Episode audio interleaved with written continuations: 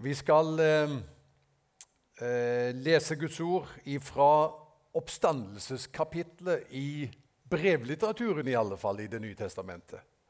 Og Da skal vi eh, gå til første Korinterbrev, kapittel 15.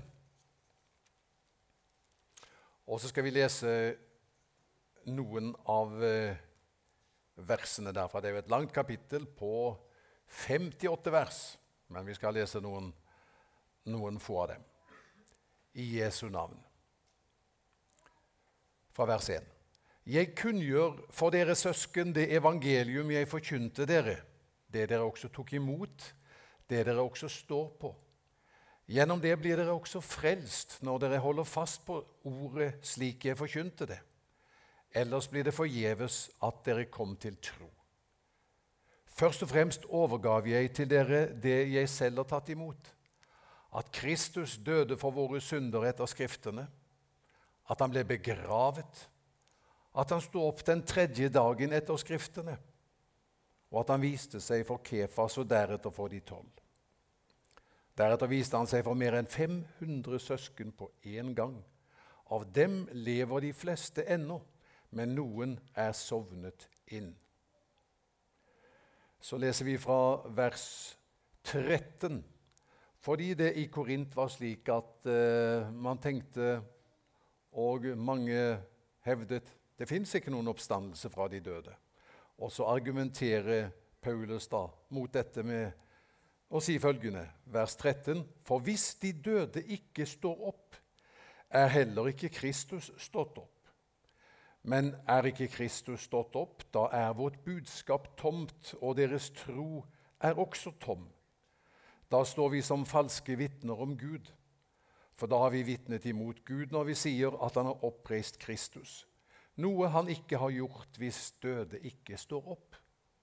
For hvis døde ikke står opp, er jo heller ikke Kristus stått opp. Men hvis Kristus ikke er stått opp, da er deres tro uten mening, og dere er fremdeles i deres synder. Da er også de fortapt som har sovnet inn i Kristus. Hvis vårt håp til Kristus gjelder bare for dette livet, er vi de ynkeligste av alle mennesker. Men nå er jo Kristus stått opp fra de døde, som førstegrøden av dem som er sovnet inn. Fordi døden kom ved ett menneske, er også de dødes oppstandelse kommet ved ett menneske. For slik alle dør på grunn av Adam, skal alle få livet ved Kristus. Men hver i sin tur Kristus er førstegrøden. Deretter ved hans gjenkomst følger de som hører Kristus til. Amen. Herre, vi takker deg for eh, ordet ditt, og at vi får samles denne første påskedag og forkynne ordet om oppstandelsen. Møt oss ved din ånd og gjennom ditt ord. Amen. Vi skal få fram uh, denne flippoveren. Jeg får hjelp av uh, en av dere til det. Skal vi se, Det var Svein jeg avtalte med, men Svein er ikke her. Han teller penger. Sånn er det. Og mens de bærer den fram eh, Gunnestein, takk for en nydelig sang. Og når jeg har talt så skal du få en avdeling til, og vi, vi gleder oss til det. Takk skal dere ha også.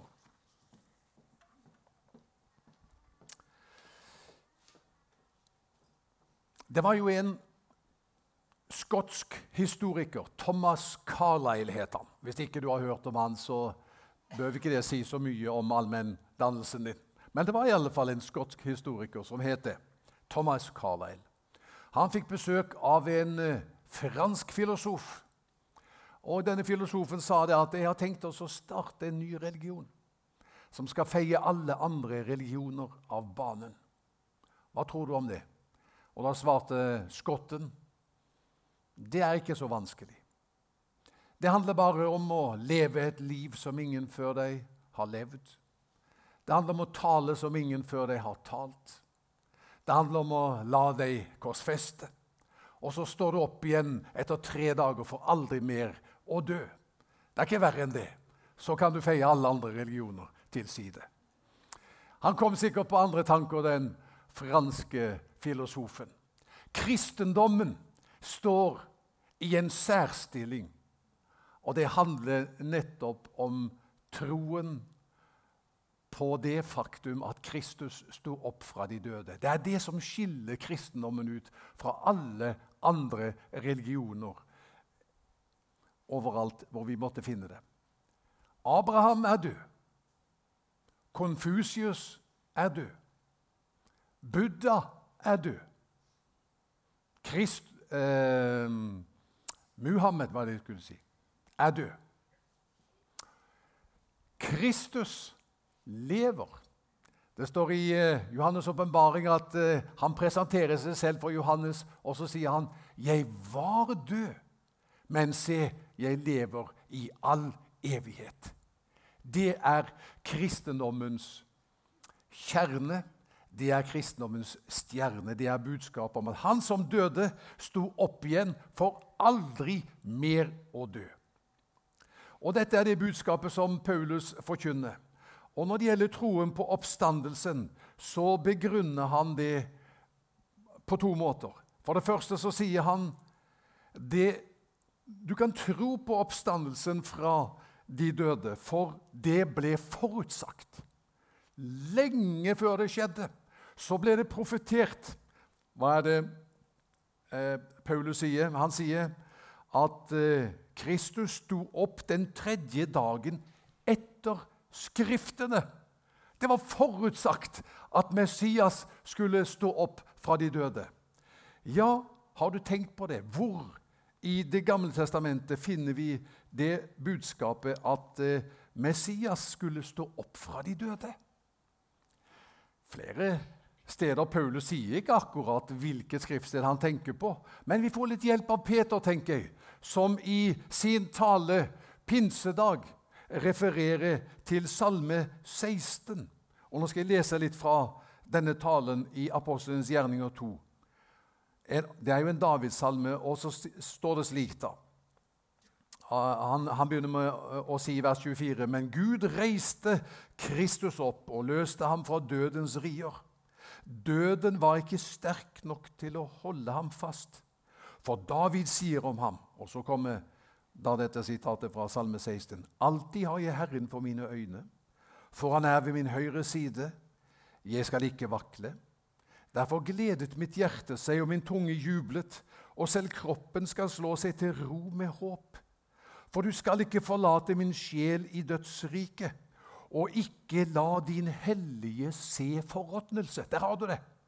Ikke la din hellige se forråtnelse, altså i graven. Du har lært meg å kjenne livets veier, og du skal fylle meg med glede for ditt ansikt. Og Så fortsetter Peter med å si, Brødre, la meg tale fritt og åpent til dere om vår stamfar David. Han døde og ble gravlagt, og den dag i dag har vi graven hans hos oss. Men han var en profet, og han visste at Gud med ed hadde lovet å sette hans livsfrukt på hans trone. Derfor så han inn i framtiden og talte om at Messias skulle stå opp det var han som ikke skulle bli værende i dødsriket.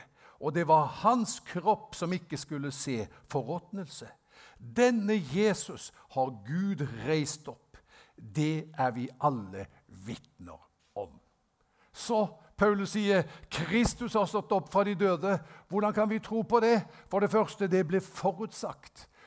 Lenge før det skjedde, ble det profetert at Messias skulle stå opp fra de døde. Og det er med å gi det troverdighet. Den andre grunnen, sier Paulus, til at du kan tro på at Jesus har stått opp fra de døde, det er øyenvitnenes beretning. For det står i vers 5 han viste seg for Kefas, det er jo det samme som Peter, ikke sant? og deretter for de tolv. Deretter viste han seg for mer enn 500 søsken på én gang. Av dem lever de fleste ennå, men noen er sovnet inn. Altså, Det var en rekke mennesker som så Jesus etter at han sto opp fra de døde. Ja, så er det noen som kan si kanskje hallusinerte de. Vel, de som har greie på hallusinasjoner, de sier det at eh, det kan forekomme. Men at 500 har det på én gang, det skjer bare ikke. Så her er det 500 søsken som samtidig ser at Jesus er stått opp. Og så sier Paulus, hvis dere ikke tror på meg, så kan dere bare høre med dem sjøl, da. De lever jo enda. La du merke til det? Av dem lever de fleste ennå, men noen er sovnet inn. Så han sier det. Det er forutsagt i Det gamle testamentet. Derfor kan du tro på det, for det er profetert. Det gir deg kraft og troverdighet. Og for det andre, hør med øyenvitnene. De så ham etter han sto opp fra de døde. Vel, så er det noen som kan si at eh, kanskje troen på oppstandelsen er knyttet til at, eh, at egentlig disiplene stjal Jesu kropp. Og så hva hadde liksom med det å gjøre? Vel, vel, det forklarer jo ikke hvordan kan de da ha møtt ham levende 500 på en gang. Men dette at noen skulle ha stjålet kroppen hans Vel, til det så må vi bare si det har hendt at noen har gått i døden for noe de visste var sant.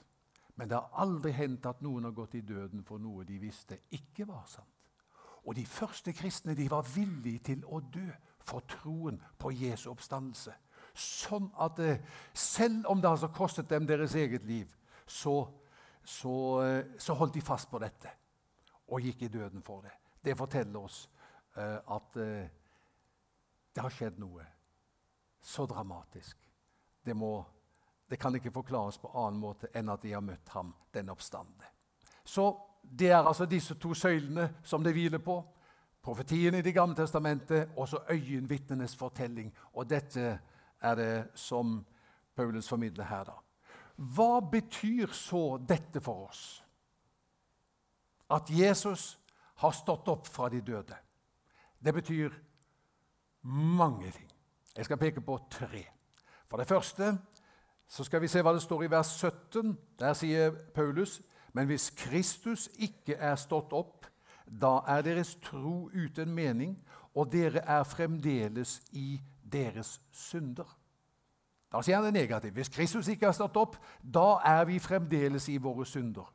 Men så sier han nå har Kristus stått opp. Da er vi ikke lenger i våre synder. Hva betyr det? At vi ikke lenger er i våre synder. Det betyr da har vi fått tilgivelse for våre synder. Vi bærer ikke lenger på den tunge byrden som syndens skyld representerer.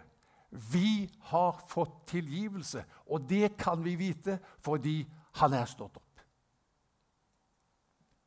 Men hva har Jesu oppstandelse med eh, dette at Jesus tok straffen for våre synder å gjøre? Var det ikke på Golgata Jesus betalte for våre synder? Hvorfor er da oppstandelsen så viktig når det er på korset at Jesus bærer straffen for våre synder? Ja, Det har alt å si. Hvis ikke Jesus sto opp fra de døde, så ville bunnen falle ut av hele frelsesverket. Fordi det var nemlig to ting som hørte sammen. Det var synd og død. Det var i et kompaniskap synd og død. Og Det er jo det som gjør synden så farlig. Det er at det, den som synder, skal dø. Og det som altså skjer, det er at når Jesus da tar vår plass på Golgata, og syndens skyld blir lagt på oss, da går han også inn i døden. Den som synder, skal dø. Men som han da er i døden, så bryter han seg ut av dødens makt igjen. Og dermed så bryter han det båndet som er mellom synd og død. Og så tar han fra eh, synden sin makt, og så tar han fra døden sin makt. Og så er vi nå frie mennesker som kan få del i syndenes forlatelse, og som ikke lenger trenger, som en konsekvens av synden, å dø.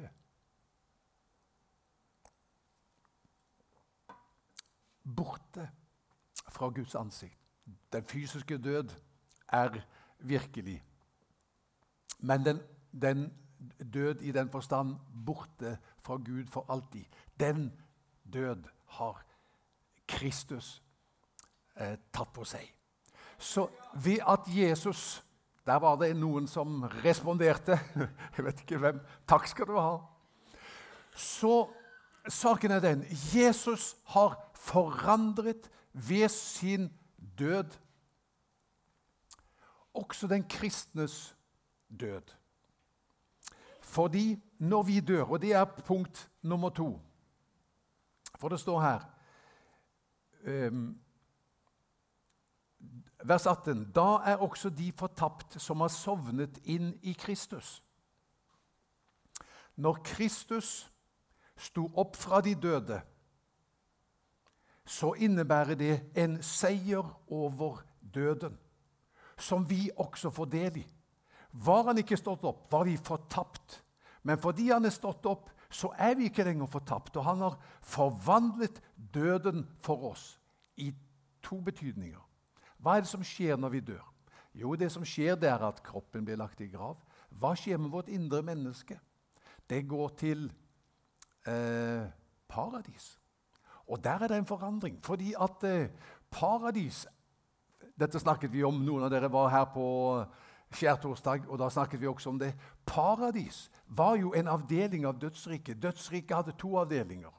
Det var der de ulydige var, og så var det der de rettferdige var. Og det, Der de rettferdige var, det kaltes også Abrahams fang. Dette leser vi om i Lukas 16, om den rike mann og Lasarus. Så ser vi det det er et skille i dødsriket mellom, mellom, i dette tilfellet den rike mann og så Lasarus. Eh, et pinens sted, men også Abrahams fang, der det var en viss grad av trøst. Men dødsriket, det var eh, ikke et sted med lovprisning, med lys og tilbedelse. Men det som skjer, det er at når Jesus dør, så forvandler han dødsriket. Den avdelingen som er, har eh, dette pinens som nærmeste nabo, det forandrer han nå til paradis som er i den tredje himmel. Det sier Paulus i første, eh, 2. Korinterbrev, er kapittel 12. Så sier han jeg, hadde, jeg kjenner et menneske, han snakker om seg sjøl, som ble rykket opp til den tredje himmel, til paradis, sier han. Tredje himmel, paradis, der Gud er. Og Han snakker om seg selv at han hadde et, et syn, en opplevelse av dette. her. Så der er paradis nå. Så når en kristen dør, hva skjer? Da er det ikke til dødsriket, nærmeste nabo til pinens sted i, i, i, Hades, som det heter da på gresk. Men det er til paradis hos Gud. Derfor sier Paulus eh, om sin egen død Jeg har lyst til å bryte opp herfra og være med Kristus, for det er så mye, mye bedre. Så jeg tenker, når jeg lukker øynene for siste gang her på jorden, og det øyeblikket kommer for oss alle, om ikke vi lever når Jesus kommer, så er det bare for å åpne dem igjen hjemme hos Gud. En som eh, visste dette Du snakket om din mor Gunstein. Jeg leste i Vårt Land om en kar som eh, var idéhistoriker. Eh, Viktor Hellern het han. Om han lever enda vet jeg ikke. Det er tre år siden han hadde et innlegg i Vårt Land i 2015 om det å bli gammel. Og Han fikk dette her eh, innlegget også som en reportasje i Dagsrevyen. I beste sendetid så, så får han fortelle om dette. Han sier, 'Jeg har tenkt på døden.' Dette er en av mange ting han tar opp i forhold til det å bli gammel. Så sier han, 'Jeg har tenkt på døden' og skrev allerede da jeg var 75, et testamente hvor jeg beskriver hvordan jeg vil ha min begravelse med salmer osv. Jeg skal ikke kremeres. Mine barn og barnebarn skal bære meg og senke meg ned i graven. Og kisten skal være gul, solen påskens og oppstandelsens farge. Et av musikkinnslagene i bisettelsen skal være 'Morgenstemning' av Edvard Grieg. For jeg går fra livet via døden til livet. Det blir spennende. Sånn sier han det. Det syns jeg er flott. Jeg har tenkt på det. Hm, jeg kunne ha lyst til å gjøre det samme. Hva tenker du, Gunstein? Jeg tror jeg Jeg tror jeg får skrive noe sånt, jeg også. Du får notere det, det Bente. Jeg skal ikke kremeres. Mine barn og barnebarn skal bære meg og senke meg ned i graven. Det høres fint ut, det der. Og kisten skal være gul. Solen, påskens, oppstandelsens farge, og et av innslagene skal være morgenstemning av krig. Døden er forvandlet, både for min sjel og for min kropp. Det blir en oppstandelse fra de døde. Og det tredje Det første jeg sa, det er at pga. at jeg tror på Jesus, så, og pga. at han døde og sto opp igjen, selvfølgelig, så er jeg ikke lenger i mine synder. Jeg har fått syndenes forlatelse. Det kan vi leve i. Oppstandelsen er vitnesbyrde om det. Og for det andre så har han forvandlet døden. Hans seier over døden er min seier. Og for det tredje og siste så er livet som jeg nå har ved troen på Jesus, fullt av mening. Han sa hvis Jesus ikke står opp, er deres tro uten mening. Det står i vers 17. Og eh, hvis vårt håp til Kristus bare gjelder for dette livet, er vi de ynkeligste av alle mennesker. Vers 14. Er Kristus ikke stått opp, da er vårt budskap tomt, og deres tro er også tom. Og så kan vi snu det, og så kan vi si det positivt. Fordi Kristus er stått opp, så er livet så fylt av mening. Og Derfor står denne her, for nå tenkte jeg jeg skulle tegne litt. Og For 14 dager siden så tegnet jeg eh, på gudstjenesten. Og nå er det egentlig det samme tema, men nå skal du få en annen tegning.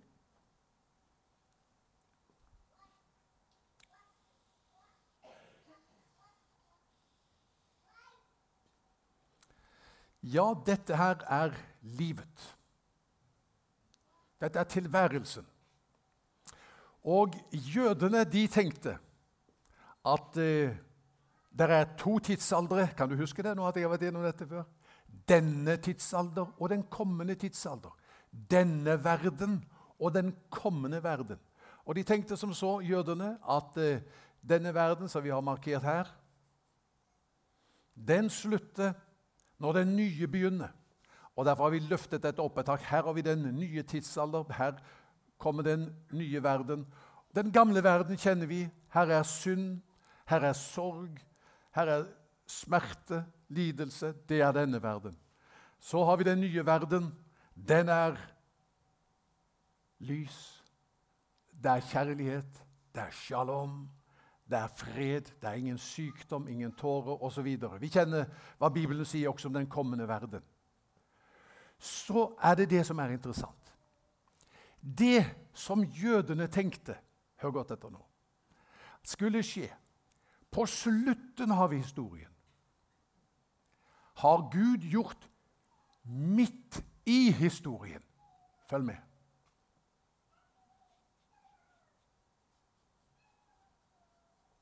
Og nå markerer vi Jesu fødsel, hans død og oppstandelse rett og slett med et kors her. Vi kunne ha tegnet en krybbe, og vi kunne ha tegnet en åpen grav. Men poenget Jødene tenkte det kommende Guds rike, det begynner når denne verden slutter. Da, på slutten av historien, da skal den nye verden bryte inn. Men det som skjer, det er altså at istedenfor at det skjer på slutten av historien, så er det sånn at det midt i historien så bryter det nye livet inn. Den kommende verden bryter inn midt i historien og deler denne historien i et før Kristus og et etter Kristus. Og etter Kristus så er det ingenting som er som før lenger. Thomas han strevde med å tro at Jesus var stått opp fra de døde. Var det fordi han hadde vanskelig for å tro på under? Nei, han hadde sett mange under. Men det som var vanskelig for ham å tro, det var at en som er død Ikke tilsynelatende død, men en som er død kunne stå opp igjen fra de døde. I dødens verden. For aldri mer å dø. Han sa det er, det er forferdelig vanskelig å tro. Men når han da hadde møtt Jesus, og det gikk opp for ham På dødens egen mark har Jesus beseiret døden, på dens banehalvdel. Det var hjemmekamp for døden. Men der vant Jesus over døden. Da skjønte eh, eh, Thomas ingenting er som før i verden. Ingenting er som før. Vi kunne tenke oss at Jesus sto opp fra de døde eh, Hvis vi ser for oss en sånn lineær hendelse, så lever han sitt liv, så dør han, og så står han opp igjen på den andre siden. Eh, på en åndelig måte. I den verden som er langt unna oss, den åndelige, usynlige, fjerne verden. At han sto opp der. Men det var ikke det han gjorde. Han dør i denne verden, og så står han opp fra de døde i denne verden, som er vår. Her, i denne verden som vi kjenner, med all smerte og alt det som er vanskelig. Her har han stått opp fra de døde. Og det, når det går opp for, for uh, Thomas, så skjønner han jo det. Ingenting er som før. Alt er nytt. Og så kan vi si at på en måte sto Jesus opp på den andre siden nå. Altså i den åndelige. Han sto på en måte opp der, og fordi at kroppen hans det var den kroppen han hadde før. Samtidig så var det en herliggjort kropp. En kropp som hadde egenskaper som hans jordiske kropp ikke hadde. Den hadde ikke de jordiske begrensningene. Så han kunne gå gjennom stengte dører. Han kunne gjøre seg synlig, og han kunne bli usynlig igjen. Så han har liksom stått opp på den andre siden, så han har liksom eh, stått opp på begge sider av døden. Han har stått opp i, i vår verden, som vi kjenner, og så har han stått opp på en måte i den åndelige verden med et herliggjort kropp. Vet du hva det kalles på militærspråket? Når du liksom har fanget inn fienden på begge sider. Det kalles en knipetangsmanøver. Og da er fienden ferdig. For da har du den fra begge sider. Og det som har skjedd, altså, det er dette her, at gjennom dette så har Jesus stått opp fra de døde og seiret over døden, og ingenting er som før. Og hvor lever vi?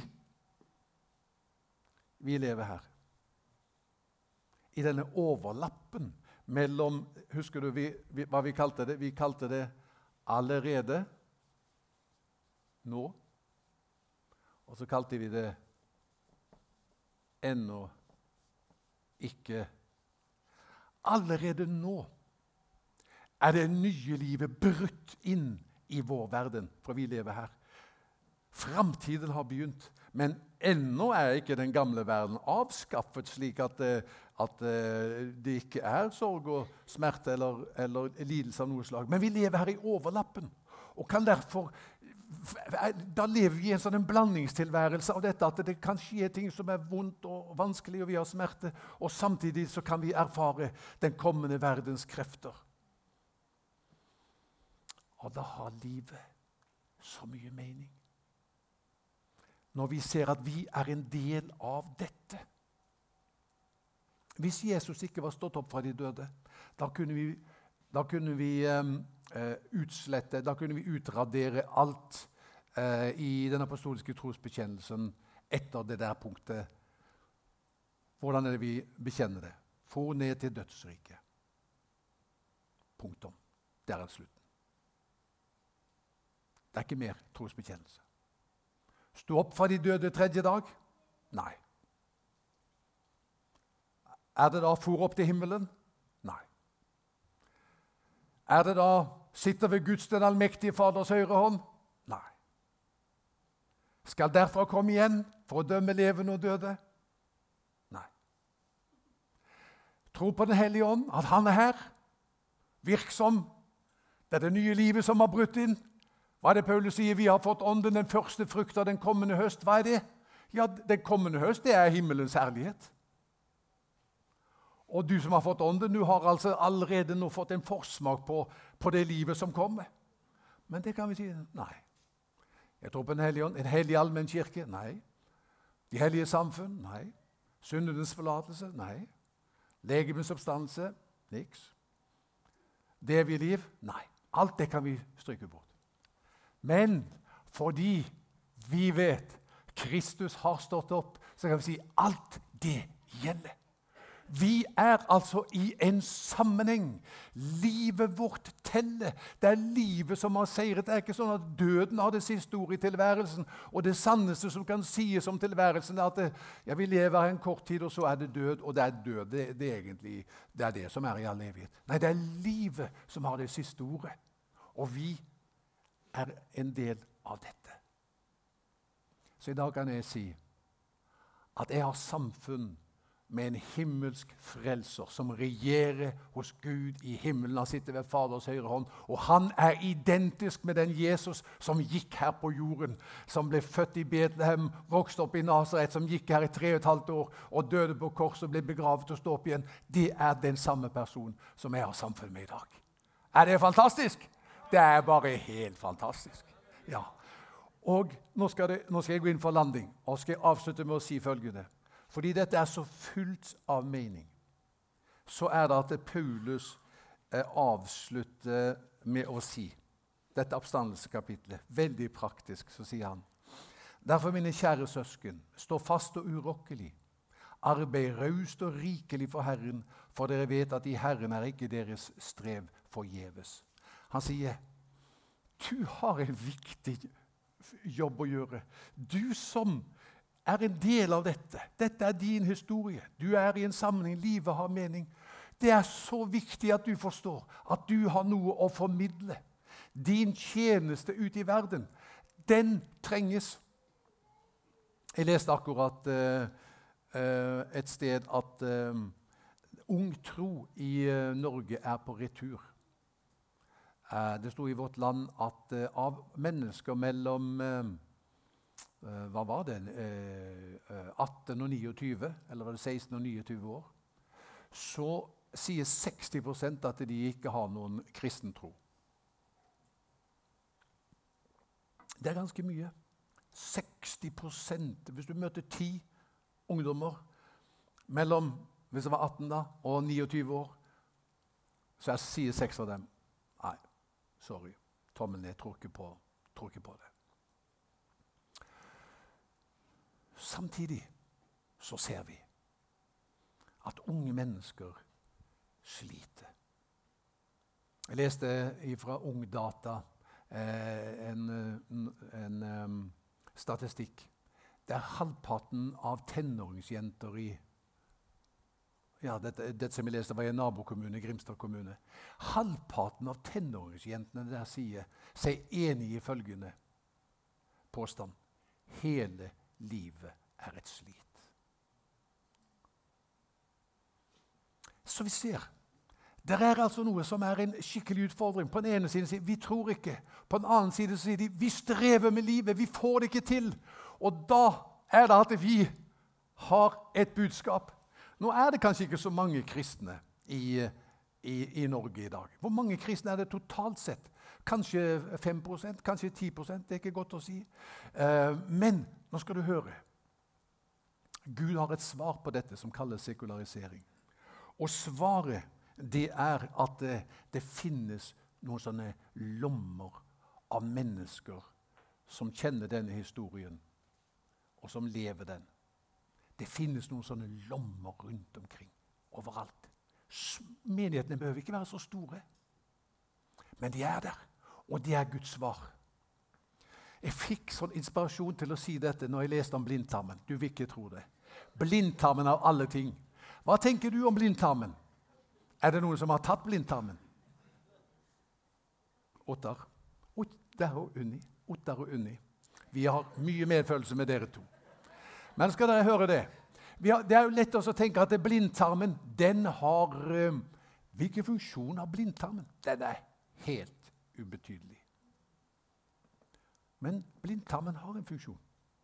Veldig viktig funksjon. Den er et reservoar av sunne tarmbakterier. Slik at hvis du har en infeksjon i kroppen, og du ødelegger den sunne eh, tarmfloraen i kroppen din, så er det gjemt unna en liten lomme som heter blindtarmen, som har alle de der sunne bakteriene. Og det kan gjenopprette balansen i hele kroppen din. Denne, denne lille appendiksen som heter blindtarmen. Den kan gjenopprette det sånn som det var. Og ser du da, Nå er det noe som skyller gjennom landet vårt. Det kalles sekularisering. Det kalles materialisme. Det kalles kanskje ateisme. Og alt dette her, det sparker beina under mange menneskers liv, egentlig, og, og livskvalitet. Men det finnes en løsning, og det er Guds menighet. Så jeg har lyst til å si det til deg. Du har svaret på det som Norge trenger. Så vær frimodig. La lyset ditt skinne. Og vær den som du i Kristus er kalt til å være. Og del frimodig troen på Jesus med dine omgivelser. Da er du med å plante frø, og hvem vet hvor mange av disse frøene som skal slå rot og blomstre i den kommende verden. Så det var dette jeg hadde lyst til å dele med dere i formiddag. Kristus er stått opp fra de døde. Og det betyr at du er ikke lenger i dine synder. Han har seiret over døden, og du har del i hans seier. Og livet er fylt av mening. Vær frimodig. Herre, takk for påskedagsbudskapet. Takk at du er her. Takk at eh, du omtaler oss som oppstandelsens barn. Og at eh, din oppstandelse får sette farge og preg på hele vår tilværelse. Amen.